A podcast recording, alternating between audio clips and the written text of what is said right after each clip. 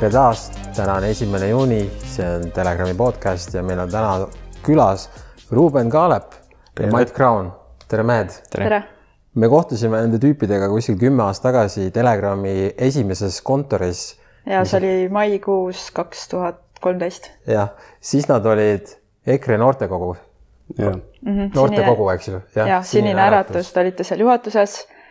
vahepeal tol hetkel veel EKRE ei olnud Riigikogus, vahepeal oled sina olnud Riigikogus, EKRE liikmena sina astusid EKRE-st välja ja nüüd me vaatamegi, et mis selle kümne aasta jooksul juhtunud on. mina vahepeal kandideerisin Riigikogusse. jah, sina vahepeal kandideerisid, jah, jah. no üldiselt. neli aastat tagasi. kui, kui nüüd minu esimene reaktsioon oli, ahah, et kümme aastat on möödas, mina mõtleks, et mis vahepeal muutunud, mina ütleks kõik on veel hullem kui ennem nagu. et kuidas see, kuidas teile tundub? Ja ma ütleks seda kohe, et see intervjuu kümme aastat tagasi, see oli meie mõlema jaoks ilmselt esimene suur intervjuu, selline meediaga suhtlemine, et et kõik see hilisem karjäär, mis mul on olnud, ma saan olla Telegramile tänulik, et siit see algas. aga jah, asjad on noh, nagu me ütlesime seal esimeses intervjuus ka, et me ikkagi võitleme uue maailmakorra vastu ja seda me teeme endiselt, mõlemad. No oleneb, et mis mõelda, et, et mis hullemaks on läinud. minu jaoks kõige suurem asi, mis ma näen, et on hullemaks läinud, on see, et ühiskond polariseerub. täielikult mm -hmm. ja, ja, see on nagu kõige, kõige suurem asi. jah, aga minu meelest seda polariseerimist ei saa äh, lõpetada ära senikaua, kui me ei räägi kõikidest äh, faktidest, et see polariseerimine tuleb sellest, et inimesed erinevas inforuumis ja nad ja, kuidagi ei ole nõus vestlema nagu jah, ning seda näha ka nii-öelda selles nii-öelda tõe liikumise selles ruumis, kus äh, minu hinnangul teatud seltskond kategooriliselt keeldub ühte infot äh, või ütleme, teatud infosi analüüsimast ja siis me näemegi, et me läheme ka täiesti eri hargudesse lahti, et see polariseerimine on nagu mitmetel levelitel väga suur nagu. no tuleks korra tagasi sinna kümne aasta tagusesse aega, et meie näiteks kindlasti olime palju naiivsemad ja me mõtlesime, et kui me teeme Telegrami, et siis me suudame midagi muuta ja mingi, ma ei tea, enam-vähem maailma muuta. Ja riiki kukutada ja kõik. Mis teie kümme aastat tagasi arvasite, kas, kas te ka näete, et olite siis palju sinisilmsemad? ma arvan, et tegelikult äh, mingeid asju ma olen või me oleme muutnud päris palju. Ja me oleme kasvõi nihutanud seda, äh, seda, seda diskussiooni akent Äh, avalikkuses, et äh, millest üldse räägitakse, mis need teemad on, mis on need eksistentsiaalsed küsimused, äh, mille üle inimesed vaidlevad omavahel. et kümme aastat tagasi väga vähe räägiti nendest teemadest nii sügavuti, nagu praegu ütleme, kõige fundamentaalsemad küsimused ongi see, et kui me räägime siin polariseerumisest, siis minu jaoks see on tegelikult rahvuse lõhestamine. et äh, meie rahvas, kes peaks olema üks kogukond, kuna meil on äh, oma traditsioonid, oma pärand, äh, me oleme aastasadu olnud noh, üks hõim, kes on omavahel seotud sellise bioloogilise üksusena, et see noh, ma vaatan rahvusi ja kultuure sellise looduskaitse pilguga, et tegelikult need Äh, meetmed, need vahendid, mida, mida kasutada selleks, et kaitsta mingit elustikku mingil territooriumil, äh, on äh, samad nii kultuuris kui looduses. ja see on hästi tähtis. aga nüüd, et teadvustada üldse seda, et mis, mis need ohud on, millega me silmitsi seisame. ja et see süsteem, see võrgustik, millega, mis väga suures osas tegelikult töötab meie vastu, töötab nii rahvuste, kultuuride, traditsioonide kui ka vabaduse vastu. et see on nii massiivne.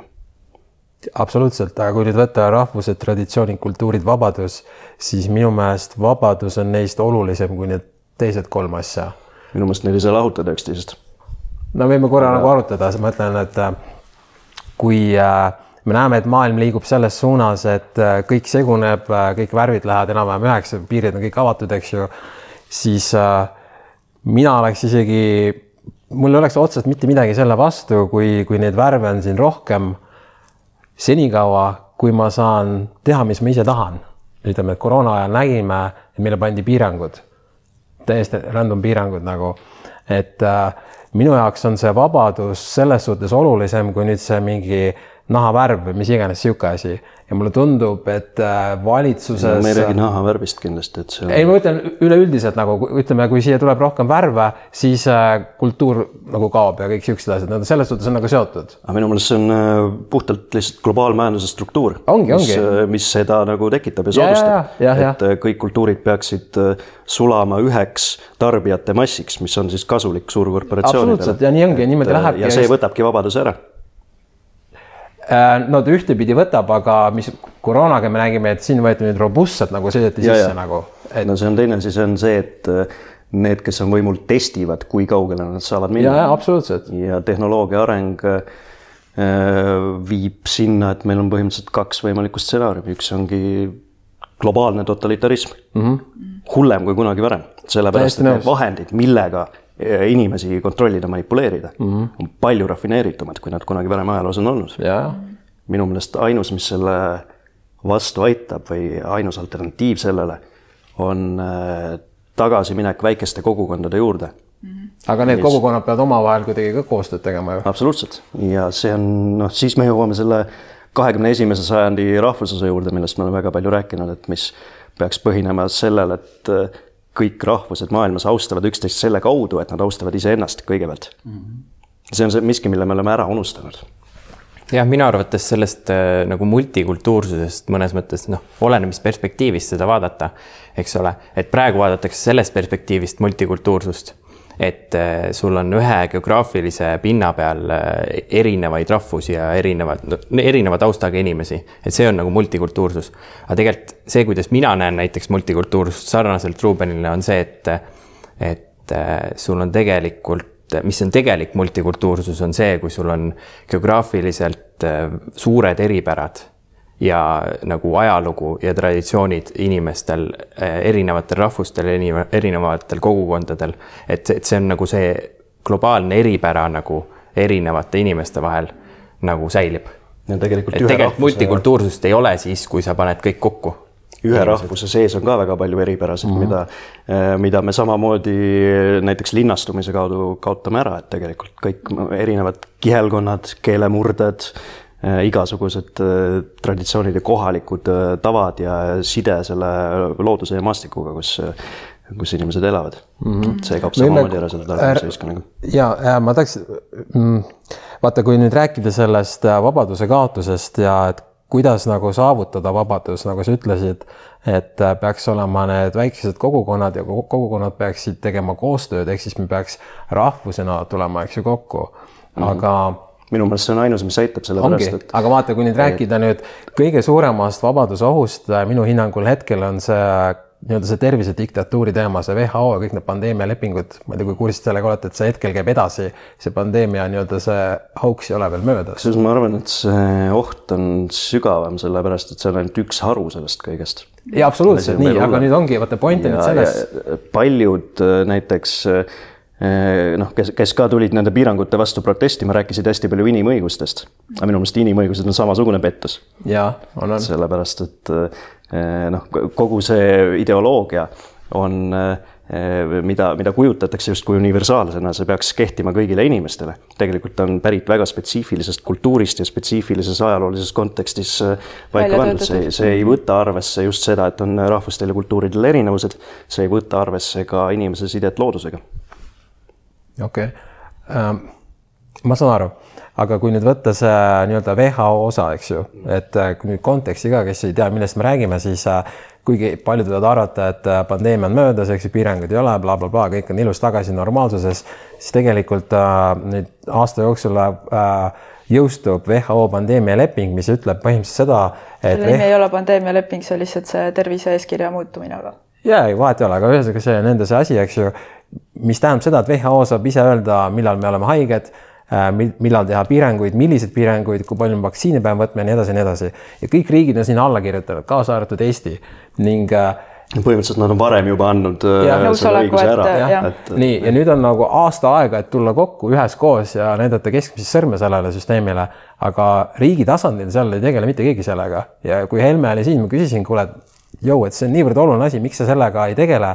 ta ütles, noh, ma olen kursis sellega, aga me ei saa avalikult sellega tegeleda, sest massid ei mõista seda, me tahame ainult see oli just enne valimisi, ta ütles ühesõnaga, et nad tegelevad võita, ainult nende teemadega. millega valimisi võita, eks ju. nii, ja nüüd olukord ongi täna selline, et meil on nii-öelda kaksteist kuud aega tulla kokku. aga me ei saa kokku tulla, sest et see riigi tasandil mitte keegi sellega ei tegele, vähemalt avalikult küll mitte no aga siin on kõik kaks varianti, et kuidas seda teha, kas ülevalt või altpoolt. kui altpoolt, siis tegelikult äh, noh, teie rahvast teavitades saate võib-olla rohkem ära teha kui poliitikud selleks, et äh, tekitada võimalikult suur äh, siis rahvasurve poliitikutele midagi ette võtta. kui ülevalt poolt, siis lihtsalt sa pead jõudma sellesse punkti, kus sul on nii palju võimu, et sa saad midagi. ja, aga nüüd ongi niimoodi, et rahvas ei ole eriti sellest huvitatud, kaasa arvatud need äh, meie väga paljud meie lugejad hetkel teisel lainel, sest et seal on need mingid kooseluseadused ja mingid asjad, mis minu, minu silmis täiesti mingi teise või kolmanda järgu probleemid nagu, et need on pandud sinna ette ja see on ka veel omakorda veel seda lõhestust teinud veel suuremaks, et praegu mina ei tea mitte kunagi, et me oleks nii lõhestunud olnud kõikidel tasanditel ja ma, mul pole õrna aimu ka, kuidas see kõik kokku panna. aga põhimõtteliselt äh, piisaks ju sellest, kui, äh, kui me lähtuks äh, oma riigi suveräänsusest lihtsalt, et me ei anna ära fundamentaalseid otsustusõigusi. ja, aga sinna on juba alla kirjutatud, et see antakse ära. lihtsalt me, me peaks praktikas mitte, mitte järgima selliseid, selliseid kokkuleppeid, et noh. aga ma nüüd küsiksin vahepeal Maidult, et sina astusid EKRE-st välja ja siis sa läksid hoopis tööle Äripäeva ja yeah. nüüd sa töötad äh, Davidis äh, majandusanalüütikuna. et kõik ju, kõik need probleemid tegelikult lõpuks taanduvad majandusele, sellepärast et kogu see koroona asi ka seal taga on ju lihtsalt mm. suurkorporatsioonid, kes püüavad midagi läbi hirmu on ju kaela määrida. et äh, kuidas nagu majanduse seisukorrast, seisukohast võiks äh, rahvast ühendada, mitte no, lõhestada mm.? no see, mis minu arvates kõige rohkem tekitab polariseerumist või mis on ajalooliselt ka tekitanud polariseerumist, on see, et kui sul suureneb ebavõrdsus rikaste ja vaeste vahel. ja minu jaoks on noh, kui varasemalt noh, inimesed räägivad palju sellest, et et ebavõrdsust suurendab äh, kuidagi kapitalism või, või vabaturumajandus või, või midagi sellist, et et minu arvates see pigem pigem on niimoodi, et äh, see, mis ebavõrdsust tegelikult suurendab, on see, mis toimub nagu rahapoliitiliselt meil. et meil on küll, äh, et inimesed süüdistavad vabaturumajandust ja tahavad nagu äh, rikastelt raha ära võtta, eks ole, ja siis vaestele anda. aga see, mis see nagu juurpõhjus on, miks meil see polariseerumine rikaste ja vaeste vahel toimub, on tegelikult äh, keskpankade süsteem, mis meil loodud on et viimase viieteist aasta jooksul väga ilmselgelt pärast seda, kui keskpangad hakkasid äh, Eh, rahatrükiga tegelema ja intressimäärasid hoidsid kunstlikult hästi madalal, see on minu hinnangul peamine põhjus, miks meil ebavõrdsus on üldse tekkinud. et see, see, seda vaadatakse hästi vähe, kui räägitakse ebavõrdsusest. et eh, see, kuidas see mehhanism toimib, on eh, niimoodi, et keskpangad on teinud täpselt sihukest poliitikat, mis suunab kapitali või siis raha, suunab finantsturgudele. ja kelle käes on finantsvarad Eh, finantsvarad on peamiselt ühe protsendi kõige rikkamate inimeste käes ja noh, suur osa on ka kümne protsendi seas. ja see on nagu hästi järsult, eriti pärast seda kaks tuhat kakskümmend koroonakriisi. et põhimõtteliselt, et eh, inflatsiooni kaudu siis eh, nüüd on nagu vaesed nagu mõnes mõttes kinni maksnud selle rahatrüki ja siis see raha on liikunud finantsturgudele ehk siis aktsiatesse ja võlakirjadesse. Ja kelle käes need varad on, rikaste käes. ja noh, minu jaoks on suht selge, et see on äh, peamine põhjus, miks meil ebavõrdsus nii suur on äh, see on nüüd järgmine küsimus, kus ma tahtsin jõuda, ongi see kaks tuhat kakskümmend raha juurdetrükk, mis oli nagu megamassiivne.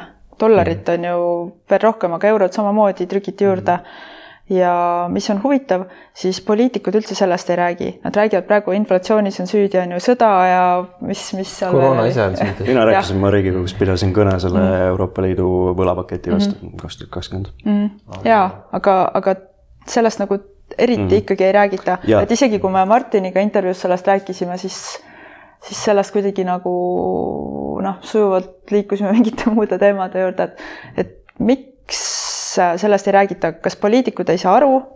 Ma arvan, et seda süsteemi ei mõisteta ja minu, minu arvates see süsteem on nagu teadlikult tehtud võimalikult keeruliseks, et tavainimene sellest aru ei saaks. Aga me Jaa, aga- loodame, et poliitikud on midagi enamat kui tavainimene. ja täpselt või kui ma meil olen, on olemas nagu näinud seda, et on, on vajadus, et keegi oskaks seda väga hästi äh, lahti seletada, kuidas see süsteem äh, töötab, minu meelest Mait oskab seda äh, hästi teha tegelikult, et äh, seal on süsteemis sellised nüansid sees, millest päriselt ma olen alati mõelnud, kui inimesed sellest aru saaks, kui rahvas sellest aru saaks, kuidas äh, raha trükitakse puhtast õhust ja kuidas see kõik tuleb meie taskust. no siis äh, tegelikult, kui see arusaamine korraga tuleks, siis inimesed läheks äh, protestima hullemini, kui, kui seni on olnud ja aga aga meil on ju Riigikogus olemas rahanduskomisjon ja meil on rahandusministeerium, kas nemad ei peaks nagu just sellele nemad ju tähelepanu see kliimakomisjon ka, kes ei Kliimaministeerium. Need tegelevad pigem selliste pinnapealsete asjadega. just nimelt, nad tegelevad Eesti nagu selle silumisega, on ju tagajärgedega. jah, see juur on äh, rahasüsteem. Jah, see kõik, mis sinna peale ehitatud on, on äh, rahandusministeeriumid ja kõik äh, majandus ja kõik asjad, et, et see, et see rahasüsteem loodi tuhat üheksasada seitsekümmend üks, mis meil praegu on. ja esmakordselt ajaloos äh, tekkis meil olukord, kus ükski valuuta ei olnud millegagi tagatud. mis tähendab seda, et äh, igat valuutat oli võimalik õhust äh, luua nii palju kui, nii palju kui tahad mm -hmm. sisuliselt mm. -hmm. ja mina ühe lahendusena näengi seda, et, et me peaks nagu tagasi minema äh, süsteemile, mis on äh, stabiilselt, stabiilne ja on äh, tagatud millegagi, mingi reaalvara, reaalvaraga tagatud mm. -hmm. vaata Aafrikas just üks riik tegi jälle kulla, Zimbabwe tahab teha kullaga tagatud. CBDC. Jah, nad juba tegid ja siis äh, IMF hästi võitleb nagu selle vastu, käib seal, räägib ka, kuidas nii halb, halvasti on kõik.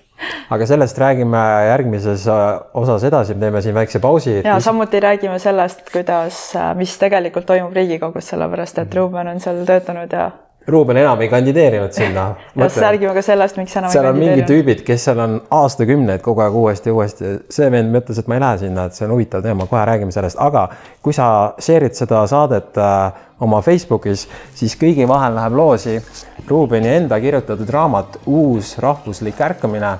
lisaks ka Telegrami ajakiri koroonapettusest ja üks kast lumiorava magneesiumivett, mille on välja pannud lumiorav, seda ma juba ütlesin kaks korda. Ülikõva. kohe lähme edasi